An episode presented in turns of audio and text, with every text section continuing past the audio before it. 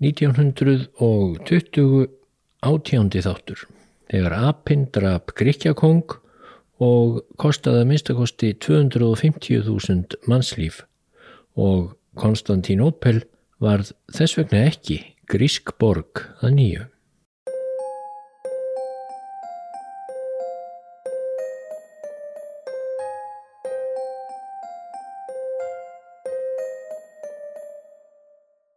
Það var hleyið að konginum unga fyrir það hvernig hann dó.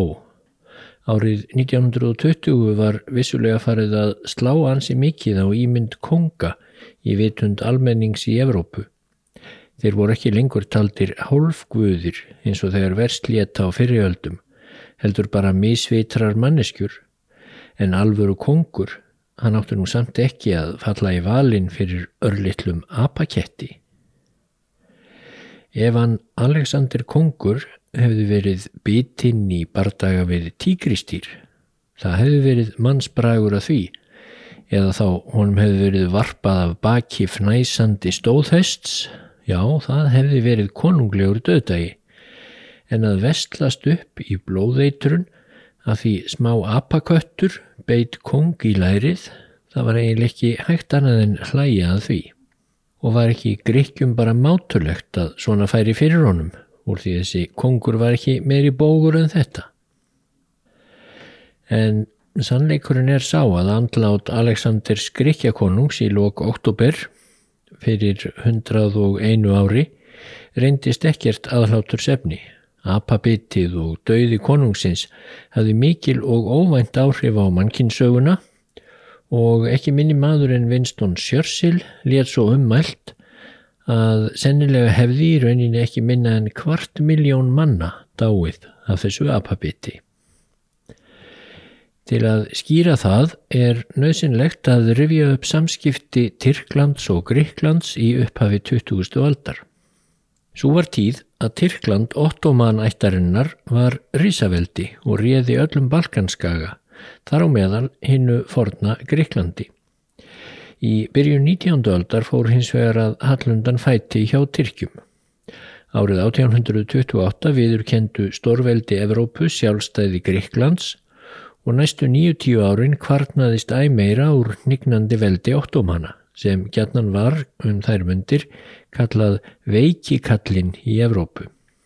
Eftir stríð við nágrannalöndin 1912-13 þá heldu Tyrkir bara eftir svolítilli spildu í Evrópu og Gríkir voru farnir að líta höfuðborg þeirra Konstantín Opel hýru auga. Súborg hafði fyrir 1453 verið höfuðborg grísk-rómverska ríkisins eða Bísans sem var mikið veldi á sinni tíð arftaki austurrómverska ríkisins. Tyrkir hafðu lagt mikið á sig til að ná Konstantínópel þarna um miðja 15. öld og mátt ekki til þess hugsa að missa borgina. Þeir hugðust snúa við ólökku sinni með því að ganga í lið með miðveldunum svo nefndu, þjóðverjum og austuríkismönnum í fyrir heimstyrjöldinni sem braust út 1914 en svo ákvörðun þeirra gerði raunar bara ílt verra, miðveldin fóru halloka, þar á meðal og ekki síst Tyrkland. Og 1918 gáfist Tyrkir upp en það var ríkinu þá að blæða út. Vesturveldin sem voru sigurvegarar í stríðinu áttu alls kostar við Tyrki sem urðu að þóla þá niðurlægingu að brest setulið kom sér fyrir í Konstantínópil.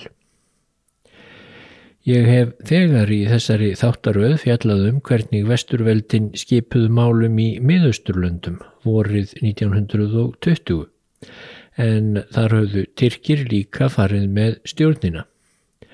En nú hafðu Tyrkir verið sviftir öllum sínum löndum utan hinnar fornu Littlu Asju sem nú var fyrir löngu farið að kalla Tyrkland. Og þá var spurningin hvað yrði um Tyrkland sjálft? Fengju Tyrkir að ráða þar öllu landinu eins og áður. Gríkir hafði ekki beðið bóðana í stríðslokk, heldur neittu þeir færis þegar Tyrkir voru úr heimihallir vorið 1919 og lendu með hersinn við tyrknesku borgina Ísmýr við Eyjahafið.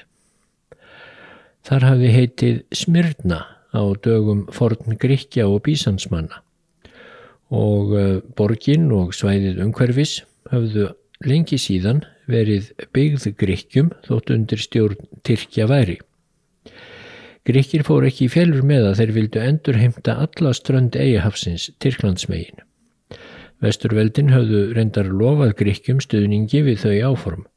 Þegar kom fram á sömarið 1920 var loksað ljúka erfiðum fríðarviðræðum Tyrkja við Vesturveldin, Breta, Frakka og Ítali og skrifað var undir samningin í postulínsbænum Sevre í útjæðri Parísar 10. ágúst 1920.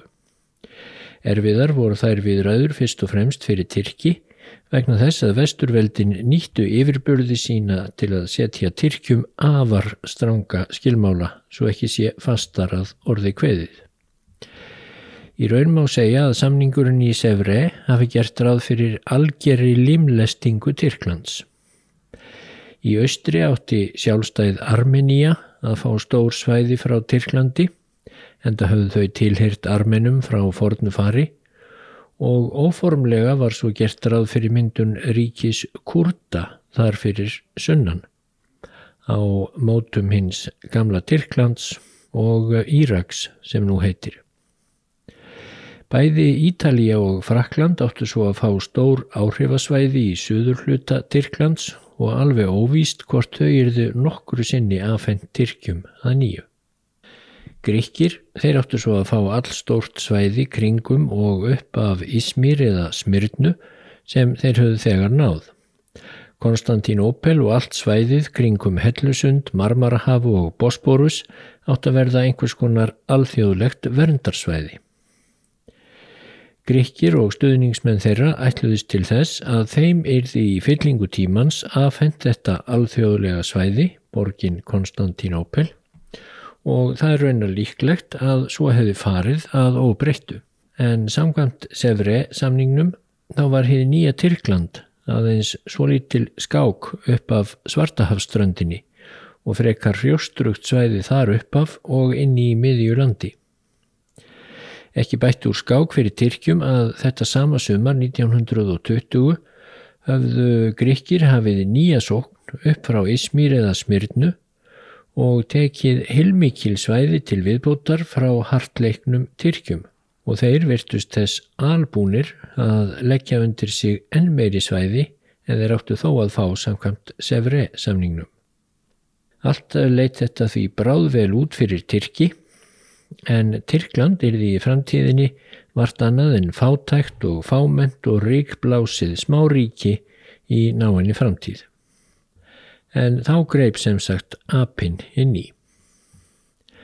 Hinn 27 ára gamli Alexander Gríkjakongur var á gangi í gardi sumarhallar sinnar í aðhennu þann 5. oktober 1920 þegar hundar hans réðust á apakött einn nokkura makaki-apa sem höfðu verið fluttir inn frá Gíbraltar til að vera upp á punt í hallargarðinum við eh, konungshöllina í aðinu. Nú þjörmuðu hundar konungs yllilega að apakettinum með hinn yllvíga Fritz í brotti fylkingar en Alexander kom þá aðvífandi, hóf upp stafsinn og hugðist að láta hann dinja á Fritz og fjölugum svo þeir bytt ekki apagreið til bana. En þá stökk fram annar apaköttur og hjælt bersýnilega að kongurinn ætlaði að hjálpa hundunum, ekki stöða þá. Og þessi setni api hendist til varnar félaga sínum, stökk á læri konungs og beitt hann fast. Þjónar kongsins komu nú hlaupandi og ráku apana báða í burt. Sár konungsins var ekkit stór alvarlegt en fljótlega hljópiða róði og síðan bólka og fyrir en varði blúsandi blóðeitrun. Fyrir daga pensilíns var fátt hægt að gera og brátt varður jóst að eitrunin kynni að ganga af konginum döðum. Og um allan heim fylgdist fólk dolfallið og sumt fullt hæðni með því hvort kongurinn í aðþennu myndi ekki lifa af bytt abakattar. Hver var annars Alexander Kongur? Já, gríkir höfðu sótt sér konung til Danmerkur árið 1863. Það ár varð Kristján IX kongur yfir Danmörku og Íslandi en Georg, næst elsti sonur hans, var samtímis dubbaður upp til hásætis í aðhennu. Hásætið í Greiklandi var nefnilega aukt eftir að Gríkir ráku af höndum sér þýsk ættaðan konung sem reynst hafi alveg misefnaður. Konstantín, sonur Georgs, tók svo við konungdómi 1913 þegar fadur hans lést en Konstantín var vart komin í hásætið þegar braust út stríð millir Gríkja og nákvæmna þeirra í Búlgaríu. Konstantín hinn nýje kongur stýrði sjálfur grískum herjum til góðra sigra og landvinninga. Hann var útnemdur marskálkur og nöyð gríðarlegra vinsælda. Þá var annars mesti valdamadurinn í grískri politík, maður að nafni Eleftherius Venizelos sem var oft forsættisráð þessi árin og diggur stuðningsmaður þess allt frá 1914 að Gríkir tækju sér stöðu með vesturveldunum í heimstyrjöldinni sem þá var að brjótast út. Konstantín var hins vegar hallur undir þjóðverja enda af þýskum ættum að stórum hluta og deildu þeir Venizelos hart og opinskátt um þetta mál árum saman. Valdmörk konungs og forsætistráð þeirra voru ekki í alla staði ljós í Greiklandi og því skipti missætti þeirra miklu máli. Árið 1917 neittu vesturveldin Konstantín til þess að segja af sér konungdómi, til þess að dubl hans við málstað þjóðverja í stríðinu fær ekki að valda vandræðum í samskiptum vesturveldana við Gríki. Og vesturveldin völdu Alexander, næst elsta són Konstantíns sem arftaka á konungstóli. Elsti sónur Konstantíns, Páll, hann var ekki talinn koma til mála því hann væri ofhallur undir þjóðverja rétt eins og Konstantín fadir hans. En svo var ekki rauninum Alexander. Hann var diggur stuðningsmaður við náttu Gríkja við vesturveldin. Alexander var ekki mikil mannvitt sprekka, verður vist að viðurkennast, þótt hann væri reyndar mjög flinkur velvirki og hann hafði lítinn áhuga politík og engan á hernaði. Venizelos réði þess vegna því sem hann vildi ráða og þegar kom fram á haustið 1920 var allt útlitt fyrir að vankaðist heldur betur hagur Gríkja í sókn þeirra bæði hernaðarlega og politíst gegn Gríkjum. Það helsta sem sumir gríkir höfðu áhyggjur af um þærmundir var hvort Aþena eða Konstantínópel ætti að verða höfuðborg hins nýja Bísansríkis sem þeir sáu í hyllingum og var reyndar nokkuð raunhæfur möguleiki eftir að Tyrkir höfðu verið píndir til að samþykja hinn stránga fríðarsamning sem gerður var í Sevre. En þann 25. oktober Þá dó Alexander konungur að velli lagður af blóðeitrun út af ababitinu. Og þótt menn hefðu þetta í flimtingum utanlands þá var gríkjum ekki hlátur í hug. Svo vildi til að þennan sama dag hafði átt að fara fram þingkostningar. Kostningunum hafði hins vegar verið frestað til 14. november þegar ljóst varð að lífi Alexanders konungs er því ekki bjargað.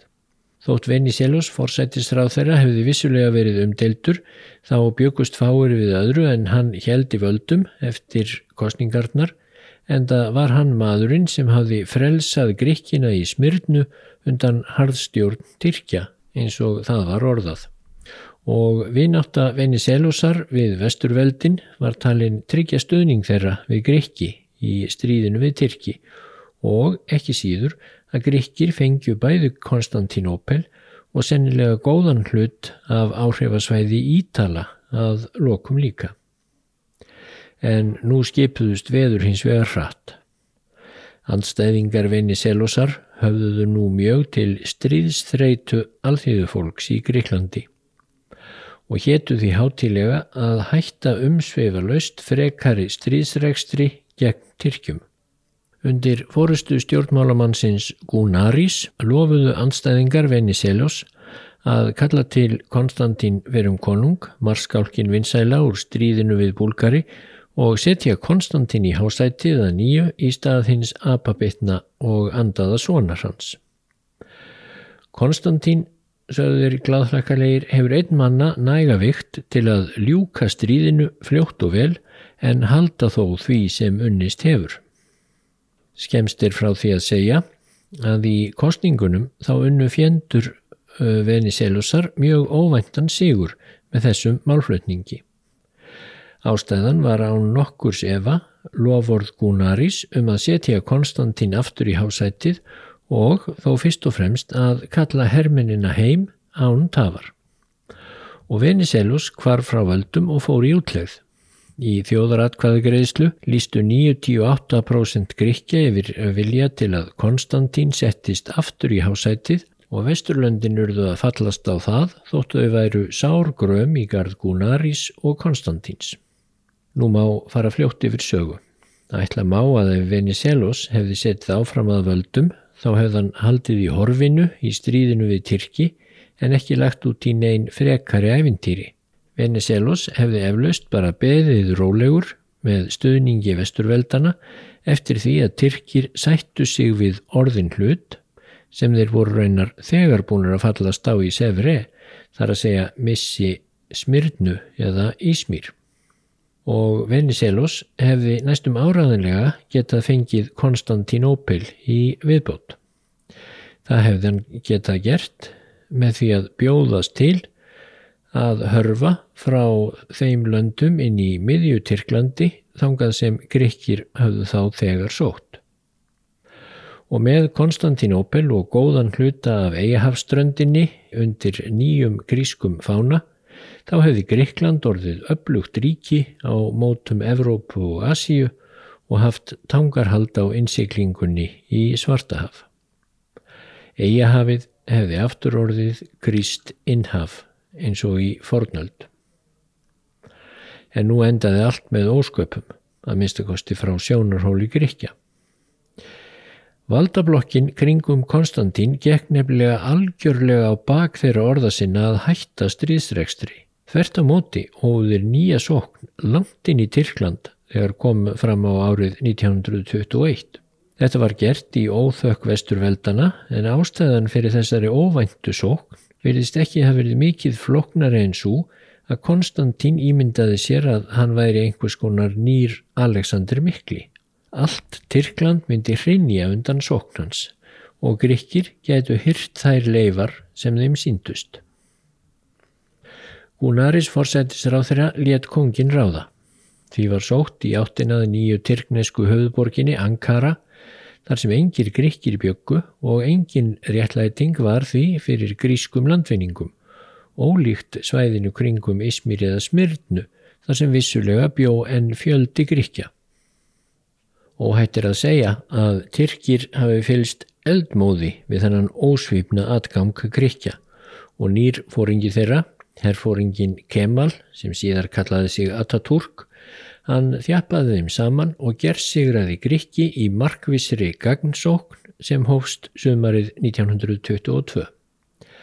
Víkstaða Grikja hrundi þá á skamri stundu. Konstantín var þá engin Alexander Mikli, heldur bara fljótfær klunni við herrstjórnina og domgreindarleysi hans og manna hans kostaði fjölda mannslífa. Já, eflaust miklu fleiri en ég vel sjörsil reiknaði með. Vesturveldin vildu nú ekki veita gríkjum neitt lið fyrst þeir höfðu ekki viljað haga sér alminlega og á nokkrum misserum gerðist til nýja Tyrkland Ataturks svo upplugt að samningurinn frá Sevre varð ónýtt og haldlaust plagg. Gríkir voru reknir út í sjó við Ísmýr í september 1922 og mikil grimdarverk unnin á grískum íbúum þar. Gríkir reyndust svo þessari hörmulegu niðurstöðu að herfóringjar rændu undir eins völdum í aðhennu, letu skjóta Gúnaris og fimm aðra sem sveikara á landráðamenn og reka Konstantín Kong öfugan í útlegð þar sem hann drafst svo fljótlega. En gjört var gjört. Armennar og kurtar voru svo yfirgefnir eins og alltaf áhrifasvæði Ítala og Frakka fengin Tyrkjum í fyllingu tímans og 1923 letu vesturveldin Tyrki frá Konstantinópel að nýju. Lóks sneru Tyrkir svo nýpnum í sári Gríkja með því að tilkynna þaðan í frá er því alveg lagt af hið grísk ættaða nafn borgarinnar, Konstantinópel, en tekið upp formlega hið tyrkneska gælunafn borgarinnar, Istanbul.